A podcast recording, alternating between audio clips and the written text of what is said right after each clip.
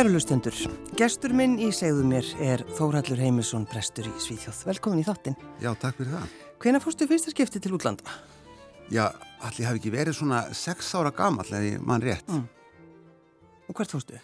Þá var það þannig að, að pappi minn, eh, sér Heimi Steinsson, hann var sendt í frammasnámi í kirkjusug og það fengið einhvern styrk til að fara til Edinborgar og var þar í heilt ár og við mamma vorum bara hér í Reykjavík og, og mamma var að vinna fyrir fjölskyldina með hann og hann bjóð þarna einna einhverju, einhverju svona internati.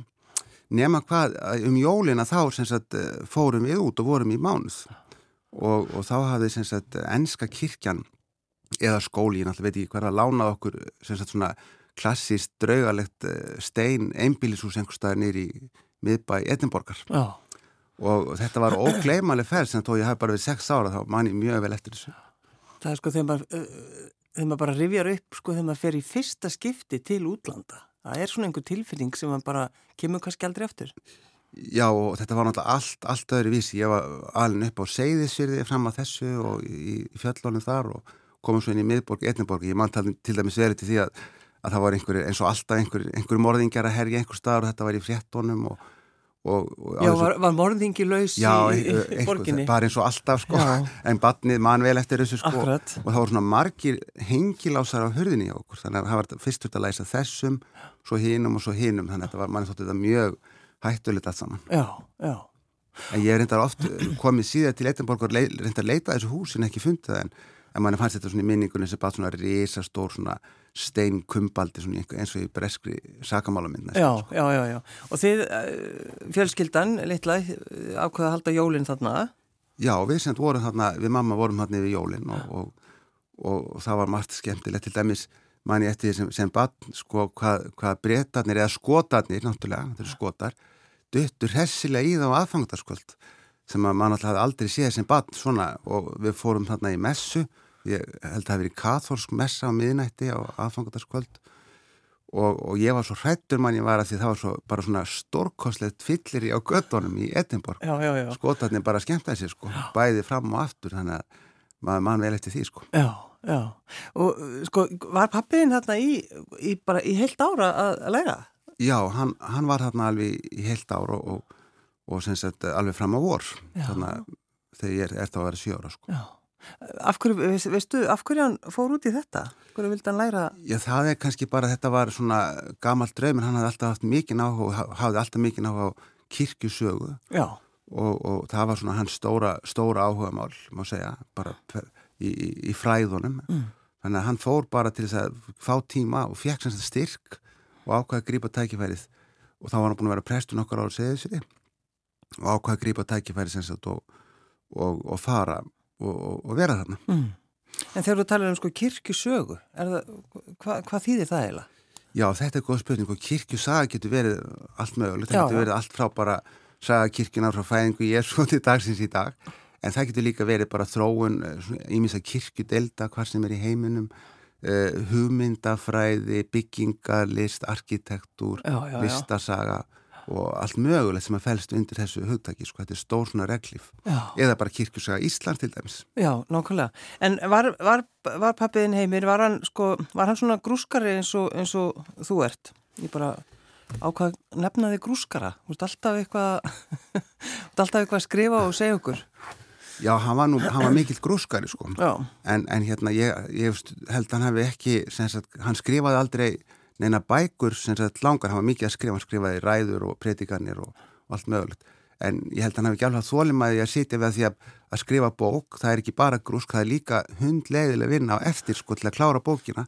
Þá þá maður að sitja og argast í alls konar mönnum sem að er að lesa yfir textan og finnst þetta ómöðulegt hjá manni. Já, já, þetta já, gengur ekki, þú er að henda þessu út og breyta þessu og maður æla fútla mókaður og, og þannig að þetta er svona bakvið, bakvið tjöldin vinnataldið ég held að hann hafi ekki alveg þólmaðið það. Nei, nei, nei, nei. En, en hvena fóst þú Þóruldur svona að finna þessa þörfa að, að, að skrifa? Já, það reynda mjög snemma. Ég, ég hérna held að fyrsta saga sem ég skrifaði þá er ég tíu ára gammal úr því þú spyrð og, og það er nú frændi minn sem að ég veit ekki hvernig á því stendur hann átti þessa sögu og, og Stefán Steinsson frændi minn, föðurbróður minn sendi mér hann að reynda bara fyrir árið síðan og þá samdi ég litla sögu tíu ára gammal, það var svona fyrsta sam. Mér langaði alltaf til að skrifa, alltaf hatt gaman að skrifa. Já. Og hvað sko þegar þú raður upp bókunniðinu, hvað ertu búin að skrifa? Ég, ég held að þetta sé að orðna nýju bækur Mm. sem ég skrifa og svo hef ég verið með í, í, í nokkrum bókum í viðbútt svona sem með einn og einn kapla. Já. En þú hefur náttúrulega, Þóraldur, svona, fyrir utan það að þetta vera prestur í Svíþjóð, þá er það þessi, þessi ferðarlög. Og það er svona þessi já, þörf þín bara til þess að ferðast. Já, og það, ég held að það hangið aldrei saman með, með sko, þessu grúski vegna þess að ég er svo gaman að ferðast á staði þar sem maður er að skoða og rannsaka og, og grúska um og, Mm. Og ekki bara lesa um eitthvað heldur að fara og, og sannreina það, reyna, að koma að staði hvernig hlutinir eru í raun og veru og, og svo í leiðinu og það er nú það sem maður uppgötar þegar maður ferðast að kynnast bara fólkin í dag að þetta er ekki bara einhver svona einhverju sögulegi staðir og einhver, einhver sko mannvirki og, og, og einhver glimmer og, glans heldur Nei, nei. heldur bara hvernig hefur fólki hérna í dag og hvað er það að gera og, og, og það tek, tekur doldið yfir eins og til mis ég hef nú komið mjög oft til Rómar og við fórum nú sama þar hérna um árið nokkuð sinnum og, og, og eins og veist að Róm er skemmtilegust þegar þú ert búin að skoða svo oft að þú ætlar ekki að skoða neitt meir Já. og fer bara nýr í miðborg og færið þér kaffi eða kvítinsglass, prosecco og, og, og hérna horfið bara mannlífið Já, já. og gleymir öllum sko mannvirkjónum og rústónum og sögunni sko. Það er einmitt þetta bara að horfa fólk. bara horfa á fólk og, og þá ertu svona komin inn í, þegar þú ert svona komin yfir það að, að vera, vera sko að rifja upp hvað allt heitir. Já, já. Svo líka einmitt þegar maður fer í svona uh, borg eða landa að þegar maður sko verður að klára að sjá hlutina. Og maður verður bara órulegur ef Já. maður sér, sér ekki allt sem maður á að sjá. Það var eins og fyrsta sinn sem ég kom til London, þá, þá var ég held ég 19 ára gammal og þá hafði ég bara einn dag og þá skoðaði ég allar miðborg London Lunduna í neðaðiralestinni. Já, Þá okkur svona milli staða kom upp í þingi, tók mynd niður aftur, ég á næsta stað upp, tók mynd næsta. Þannig að þá, I did London og maður segja já, einu degi sko í neðaðiralestinni. það er nú svolítið gott. Um, Þóraldur, ný, nýjasta bókiðin. Sko, allt sem þú vilt vita um biblíuna. Já. Veist, hvernig dættir þetta í hug? Þetta hefur, mér hefur lengi langað til að skrifa þessa bók. Já, og ég var nú áður að skrifa sem bók um, um trúabræðarsögu, hérna Saga Guðana og kom náttúrulega inn á kirkjuna og, og, og allt saman það líka. En þessi hefur verið svona dálítið lengi draumur hjá mér að, að taka saman svona fyrir almenning bók um, um sem ekki, ekki bara þetta svona biblían sko ABCDE heldur það sem að í söguna hvernig hún var til og og, og sögu kannski alls þessum tengist biblíunum til dæmis Rómaveldis og Gríklands og, og allar þessar gömlu fornu ríkja og, og, og hérna svona, mér vantaði kannski bara tíma og tækifæri en svo kom upp svona smá aðstæður þannig að ég hafði tíma til að, að draga þetta þáttið saman. mm. en, en sko hvernig getur maður í rauninni, þú veist, vita allt um biblíuna? Já, þú náttúrulega veist aldrei allt um biblíuna en, en það er kannski, þú getur kannski komist að því sem að þú vilt vita og síðan hvernig þú getur haldið áfram. Og svo getur þú haldið áfram og áfram og áfram að, að, að leita meira og meira. Og það má segja að þessi bók uh, hún getur kannski hjálpað þér til þess að, að taka fyrstu skrif, margir segja að það er ómöld að lesa biblíun og maður skilur hann ekki Nei, nei, nei, nei. óskiljanleg og, og allt það, en hún getur svona hjálpað þér að skilja þessa bók. Sé Eða sko, er bækur. Já, þetta er náttúrulega mest selda bóksögunar. Já, og svo er ég líka að tala um, um áhrif alls þess allir hvernig gýðinga hatrið þróaðist út úr, út úr, já, sögu kirkjuna til dæmis, talandi um kirkjusögu og, og, og yfir til okkar bara, okkar samfélags hvernig þessi bók hefur hatt áhrif og, Mm. og svo er hún líka persónlega þessi saga því og það reynir ég alltaf að gera ég segi svona daldið mínar sögu inn í bókinni þannig að, að ég segi bæði ferðasögur sögur frá Ísrael þar sem ég ferðast mikið og, og reynslusögur og, og, og þannig að þetta er svona líka mín persónulega saga sem ég er svona blanda inn í bókina eins og ég reyna alltaf að gera Mm. Eh, Það er alveg stór kapli um einmitt Rómaveldi í, þess, í bókinni. Hvað, hvað er það að segja okkur þar? Já, það er eins og, það er svona oft gleymast þegar menn er að tala um, um sögu kristina eða biblíuna að þetta var ekki til í, eins og ég segi, lausu lofti heldur tengist öllu mögulega öðru og sögu annara ríkja og landa og, og Rómaveldi réði nú bara einu sinni yfir Ísrael í 700 ár. Og náttúrulega þegar um það leitir sem Jésu fættist og, og hann var háð ræðileg styrjöld millir geðinga og Rómverðar sem að geðingar slátruðu 1,5 miljón, neða sem Rómverðar slátruðu 1,5 miljón geðinga Mm. og í raun og verið gett að skilja sögu Ísraels eða biblíunar eða kirkjunar eða, eða Jésu á þess að þekkja Rómaveldi. Þannig, og, mér, og finnst þetta alltaf að vanta að, að, að þann skilning á þannig að þess nákvæði að bara taka sögu Rómaveldis og, og setja hann að það eins og mér geti þá átt að sé betur á sögu biblíunar Já, já, en maður lest þennan kaplaði mitt og er að fara til Rómar, er þetta eitthvað svona þú veist, góður grunnur? Já og svo er nefnilega það er, það er ágætuð nefni það vegna þess að þú getur lesið eins og þennan kapla eða kaplanum Jérúsalem eh, algjörlega óháð biblíunni. Ef þú ætlum að fara til Rómar þá getur þú lesið kaplanum Rómaveldi þannig að það sé mjög góð svona handbók til þess að lesa og setja sér inn í sögur Rómar áður maður fyrir þangað. Mm, mm. En sko þegar þú að því að þegar þú ert að skrifa svona bók og þú ert náttúrulega með biblíun ertu með alls konar aðra bækur sem þú ert að lesa líka til þess að geta skrifað um mynd allt saman Já, það, það, þetta, er, þetta er mikil skal ég segja, segja svona, hérna, heimildavinna og það er mynd aftast í bókinni þessari allt sem við hlýttum biblíun þar er, er ég bæði með svona alfræði orðabókum orðasól þess að ég útskýri allir þessi rosalega skrítnu hugtök sem að koma fyrir sko alls konar grísk og allt mögulegt latnest og, og það er ég líka með heimildaskrá þar sem ég sko ekki bara þil upp bækur eins og stundum ég gert heldur einu svona að segja af hverju valdi ég þessa bók sem heimild og hina og, og, og hvernig tengjast þær og þannig að þú getur líka notað upp, þetta uppflættir hitt aftast til þess að þú vilt grúska eitthvað meira sjálf sko. Já, og bara fyrsta sem maður sér þá er semst Abraham. Já, Abraham er fyrstur sko. Já, Abraham er fyrstur. Þannig að það er svolítið það er svolítið gott. Um, að því hún nefndi líka einmitt Ísæl þú Þóraldur hefur nú ferðast þanga svolítið, svolítið oft. Já. Segðu kannast frá því. Já, það er, það er náttúrulega alltaf magna að koma til Ísrael og, og það er svo margt í Ísrael og það er náttúrulega sagan og Palestína, Ísrael, Palestína nútíminn sem alltaf tekum maður bara að lera um að lendir, ég er komið bæðið siglandi og fljúandi og þá tekur nútíminn yfir mm. það er náttúrulega kirkjusagan og saga biblíunar og, og bara mannkinsagan og svo náttúrufræðin og landafræðin þannig, þannig að það er ótrúlega margt að upplifa og sjá Já. í Ísrael og í Palestínu af því að er, þetta eru þessi tvö land sem líki hérna hlið við lið og svo líka bara að fara inn í þetta samfélag og kynnast fólki. Ég hef búin að spjalla, ég reyna alltaf að spjalla mikið við bæði fólk sem ég er að vinna með og begja vegna músins og, og reyna að setja mig inn í hvað er að gerast þann daginn. Mm -hmm. þannig að það lætur mann ótrúlega sko, ekki ósnorti, maður verður mjög snortin að koma þarna inn í. Og svo þessi, þessi fórreikind að fá ferðast með fólki sem leðsum að af því að fólk sem fer til, til landsins helgamóra og svo leiðis það er kannski, og yfirleitt fólk sem búið að dreyma um alla sína æfi mm. fólk kannski verið rættið að fara það kostar mikið pering, það er ekki aðstæður og allt mögulegt, svo núna er það komið og þetta er eins og þetta er svona pílagrinsferð hjá fólki þannig að mér finnst að vera mikil ábyrg líka að fara með fólk þarna inn af því að, að, því að sko, það er bara þyrstir í að sjá og upplifa mm. og heyra um landið Já, þú, þú mátt ekki sko, að þó þú náttúrulega búin að sjá þetta hundra sinnum þá verður samt að finna þessa tilfinningu Já og, ma og maður finna, finnu það mjög stert sko. og svo er líka margt skemmtilegt sem, að, sem að maður upplifir líka og náttúrulega maturinn og sem kemur á óvart mm. og, og hérna og eins og ég segi, maður gleyma því ofta þetta er, þetta er gríðalegt náttúru undur líka þetta land með, með Jordandalunum og Eðimörkinni og fjöllunum og og allt það sem þú bara upplifir þegar þú kemur á staðin sko. hvaða, hvaða leið ferðu þegar þú ferð til Ísraels? Já þá, þá segir maður að lendi þannig á Bengúrión flugvelli rétti á Tel Aviv og, og keirir upp til Jérúsalem og það er náttúrulega stutt að fara að hraðbrut það tekur ekki inn maður 40 mínutur nú stundu þá byrjaði maður að, að fara og skoða Tel Aviv en sem er sem sagt gamla höfuborgin en nú er þeir búin að breyta Jérúsalem í nýju höfuborgina Ísraelsmenn.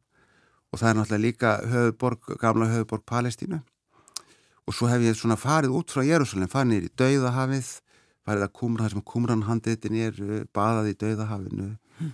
að Masata þar sem að geðingar börðust í Rómir hérna fórum dag nú upp til Galilegu náttúrulega sem að Jésu lefið og starfaði og hringin í kringum vatni þar til Haifa við ströndina sem er svona önnur stærsta hafnaborgin og svo sur eftir niður, sagt, niður að Eilat sem er, er svona hafnar og, og sko strandparadís við Akapaflóa mm. við landamæri Jórdaní og, og þar hef ég svo nokkur sinnum farið samt yfir landamæri til Jórdaní og að Petru sem er hérna þetta er svona 12 tíma fra, er, ferð fram og aftur Petur í Jórdaníu sem er borgi sem er hoggin út úr klettinum. Mm.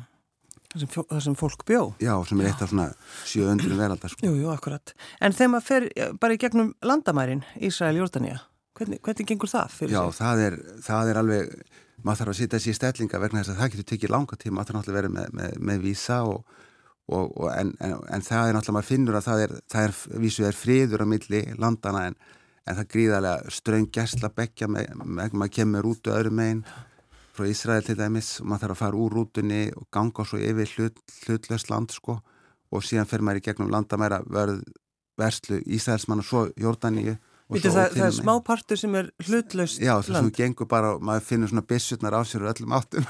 Líka við að því að þetta er sens að það er fylst með manni.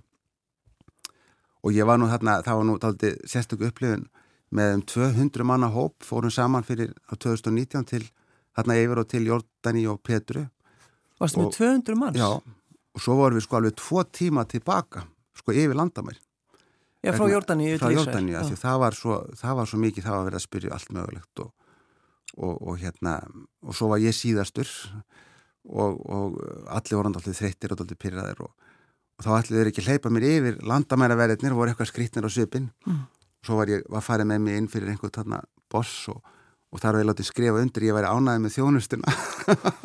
Já, þú, og ég þú, sagði bara yes thank you very much og skrifaði undir og for this program og lappaði svo yfir. Já, þetta er svolítið skemmtilegt þorullir því kannski einmitt í þinni fyrstu ferð þegar þú ert sex ára þá ætti ekki einmitt að leipa þér heldur út úr landinu. Nei, það er eitthvað við mig sko. Já, já, þá var einmitt, þá voru við mamma að fara heim sko frá Edinborg.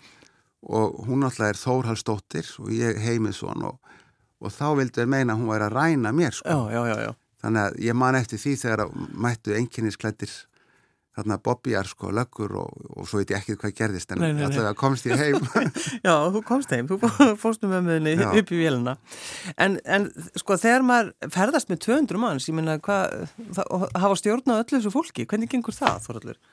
Já, þetta var nú mjög skemmtilegt verkefni, þetta var, var reynda þannig að ég var svo með sko þrjá aðstóðar leðsugumenn Já, já og, og þetta er bara spurningum skipla eins og maður segir, við hérna vorum í, vorum í fjórum rútum og hann ætlaði búið að skipla ekki að ferðina vel fyrirfram og, og svo vorum við alltaf með svona herraðsfund klukkan 6 á mótnan sem ég og hinn í leysumennir og fór, fórum við yfir daginn. Já þú heyrir það ég er svona militaristisk sko. og fórum við yfir daginn sko, hver gerir hvað og hvernig og, og þetta gekk allt mjög vel og algjörlega fullkominn, það var mjög skemmtilegt sko. En þegar maður er mitt ferðast með fólk sem er látað drauma sína rætast Hvað var það við Ísrael sem að svona fólk vildi helst sjá? Það, ég hefndi segja að það er fyrsta lægin alltaf bara Jérúsalem. Jérúsalem er ótrúlega borg af því þar, þar gengur bara inn í sögun og þú mm. ferð þessar þröngu götur, þú ferð í gravarkirkjuna þar sem að Golgata kletturinn stendur upp og þú ferð að grátmúrnum sem er frá tími Jésu og, og, og þú, þú, þú ferð upp á Ólífu fjallið og Getsemann í garðin. Mm -hmm. Nú það er líka að koma til, til Galilegu og að, að Nazaret eh, og að fæ í, í jólakirkjuna náttúrulega í Betlehem. Það er náttúrulega líka mikil upplifin að koma þángað og, mm. og, og, sagt, eh, og sjá allar hvernig minn hafa byggt sko kirkjón og kirkjón og kirkju gegnum aldinnar. Svo búið að rýfa þessar kirkju sko 20 sinnum og brenna þær í styrjöldum og svo byggja nýjóna. Mm. Og, og mjög magnað að fara með hópi niður, maður fer sagt, fyrst inn í kirkjuna í Betlehem, svo inn í næstu kirkju sem er inn í kirkjunni og svo niður í, í sko helli sem er undir kirkjunni. Og þar í hellinum er staðurinn sem alveg frá því á fyrstu öld hefur verið mertur sem fæðingarstaðurinn. Og að fara með fólk þarna í gegn og niður í hellin og það er bara vallast að lýsa því sko. og, og svo að koma að dauðahafinu og að fljóta í dauðahafinu það held ég að sé eitthvað sem marga hefur dreymt um. Já þessi upplifin að vaða nú er ég komin í dauðahafið sko. Mm. sko 400 metra undir yfirborðu og setjast niður í dauðahafið það er eitthvað sem alla dreymir um sem komið til Ísrael já, já, já. En, en, en síðan líka eins og það sjálflimis múrin, aðskilnaðamúrin millir Palestín og Ísrael og keira í gegnum hliðin þar sem að verðirni standa og, og, og sjá aðstæðunar í Palestínu og, og hérna og bara sjá þessi átök all út um glöggan það sé hvernig landið er skipt og, og, og hérna það hefur náttúrulega mjög sterk áhrif á fólk líka Já.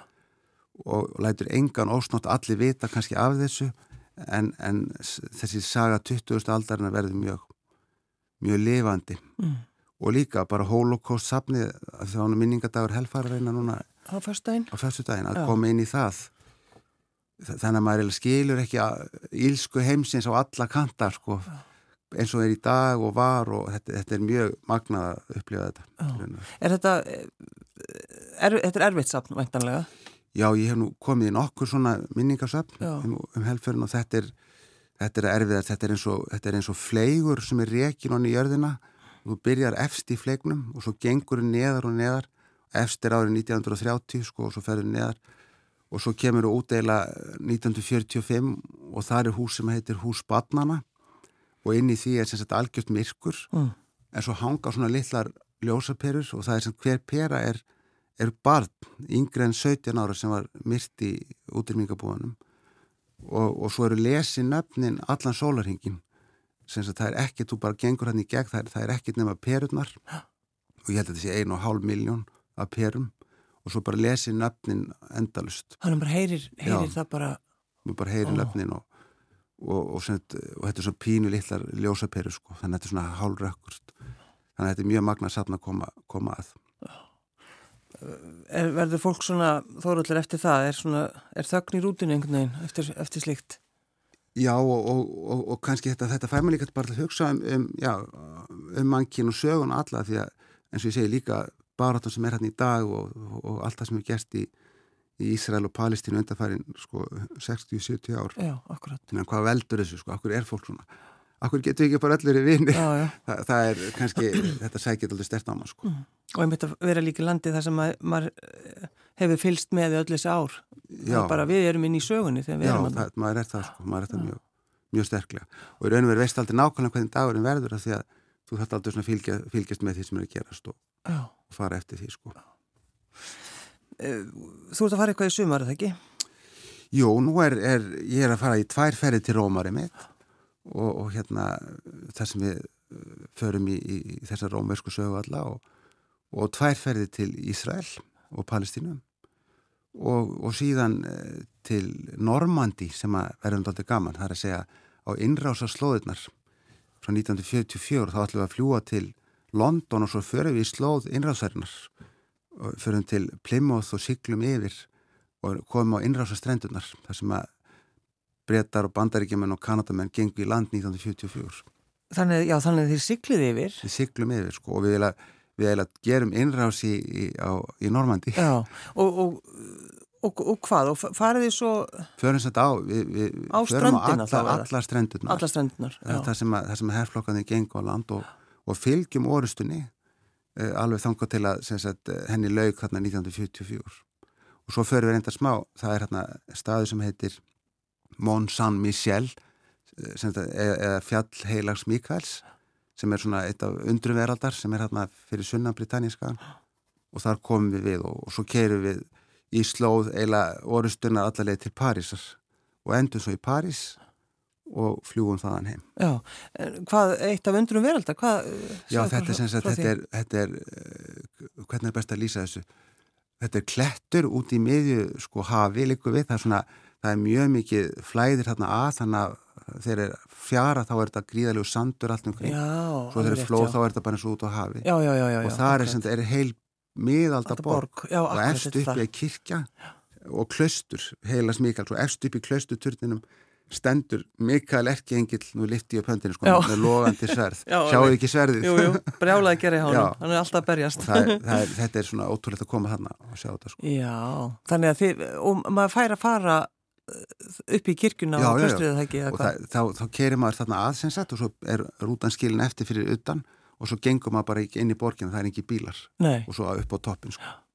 já, er ekki svolítið áhugavert að fara ángað? Jú, þetta er, þetta er mjög, mjög sérstætt að koma þarna sko. og líka svona eftir þegar maður er búin að vera í orustu sögunni þá er þetta svona smá kvíld líka að koma og, og, bara upplifa og þannig er náttúrulega fransk menning og mikið af veitingahúsum Mm. og, og ótrúlega fallegt sko. Já, en þegar maður einmitt að, að- að segja svona sögur alltaf þegar maður er að ferðast, hefur einhvern tíma þóraldur bara farið til útlanda til þess að, að ef að segja, taka tásumindir að þér, hefur einhvern tíma verið þar sem þú ert ekki bara, bara að í neinu? Já, já, já, það, en börni mín hlægi ofta að mér og segja að það þýðir ekki að spyrja pappum neitt. Vegna sem að spyr mig eitthvað þá svarar hann alltaf sko árið 10.000 fyrir krist.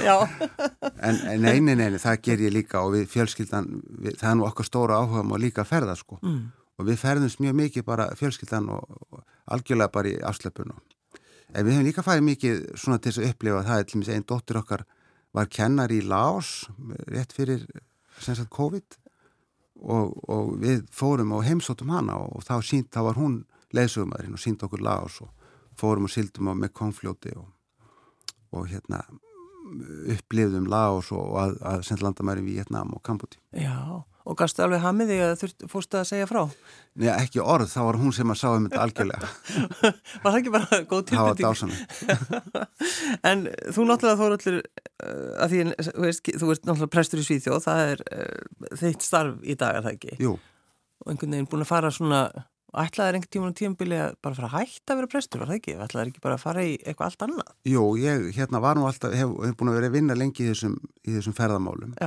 og, og, og þess vegna er svo gott að vinna það sem ég er að vinna út í síð og vegna þess að ég er á svona dálítið sérsamning hjá kirkinu þar, þannig ég komist í, í þessa ferði. Sko. Já, já. Og rifjum það eins upp, Þóruldur, hvar, hvar ertu?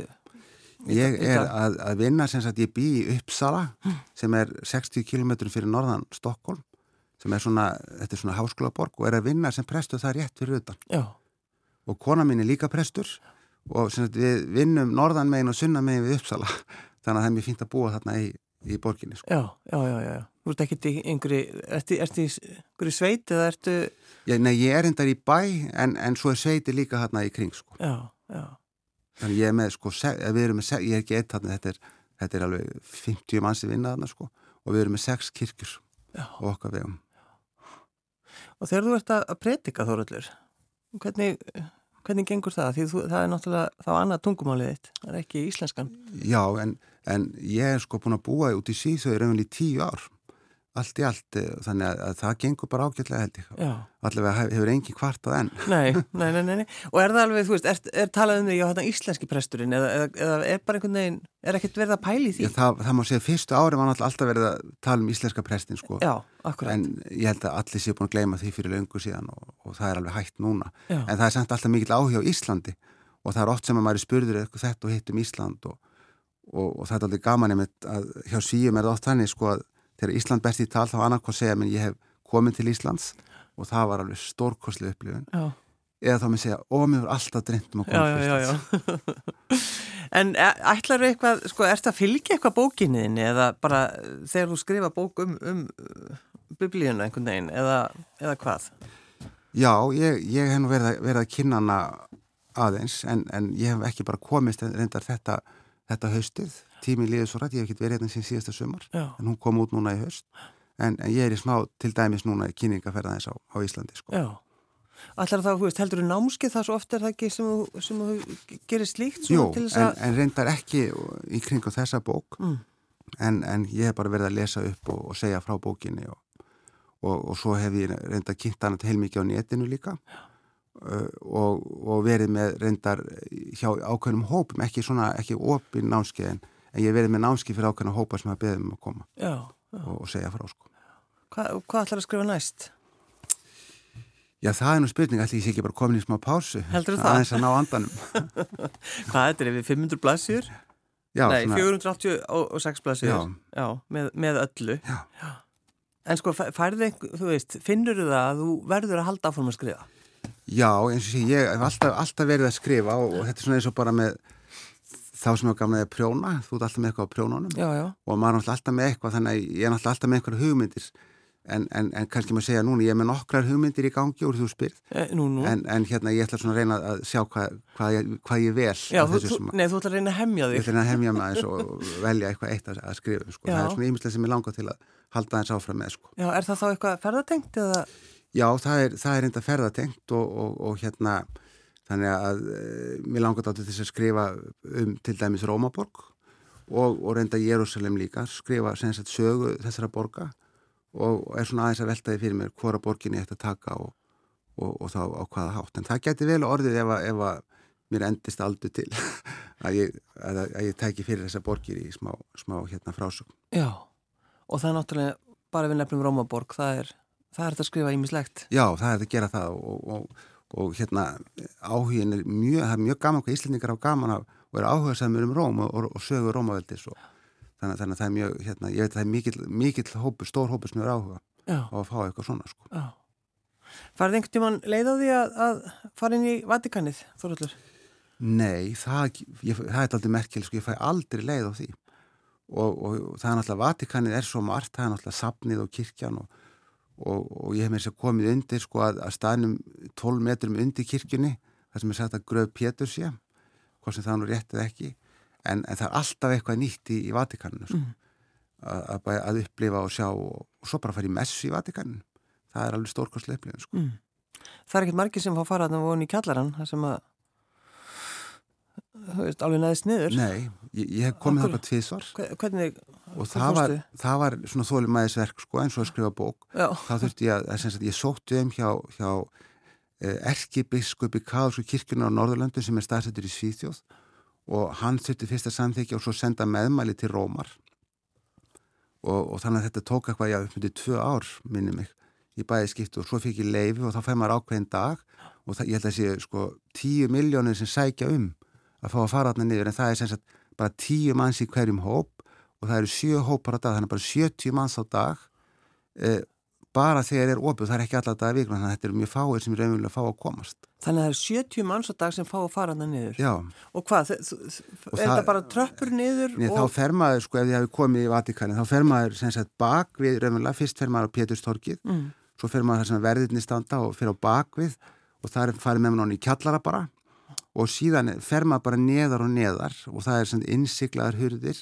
Maður fer ekki, eða í gegnum aldina fer ekki, fyrst í grafir páana og svo fer maður niður í miðaldina sem eru þarna undir og svo fer maður niður í eh, sko þriði og fjórðöld og svo enda maður eða niður í, í sagt, grafhísum frá því á fyrstu öld sem eru svona já í 12 metrum undir kirkjunni.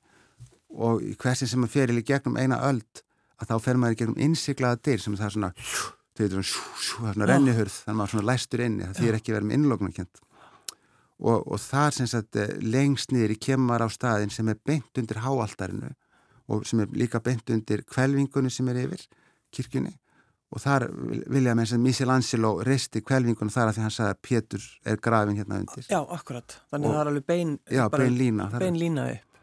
Og svo fer maður áfram og upp sem sagt hinnum einn og það er þá í gegnum aldirnar tilbaka og kemur svo upp eiginlega, ef þið hefði komið að einhver sem er að heyra, þá kemur við á háaltari eru tröppu niður og þá kemur eiginlega rétt hjá altarinn og poppar upp inn í meiri kirkun Já. og upp tröppuna þar. Sko, er maður ekki örmagna eftir svona skoðanuferð, Þóraldur?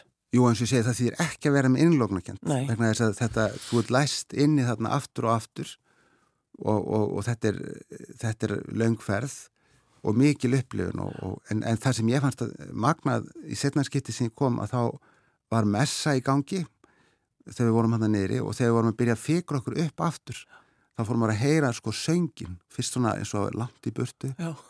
og svo barst hann eftir sem að kom ofar. Maður fer hann í gegnum alls konar kapellur og bæna hús neðagjörða sko. Já.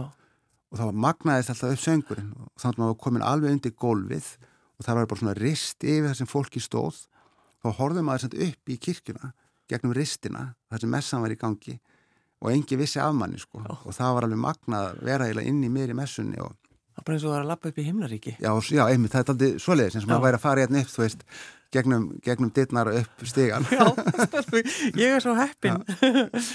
Þóruldur Heimisson, prestur í Svíþjáð og auðvitað ferðalangur. Eh, þú valdir Johnny Cash, minnst það alltaf gott að þú tala um himnaríki bara og, og já, Guð. Já, hann, hann er indislegur hann Johnny Cash. Hann er indislegur hann Johnny Cash. Uppbóðalsöngurinn minn. Já, Þóruldur Heimisson, takk fyrir að koma. Já, sömulegis, takk fyrir mig.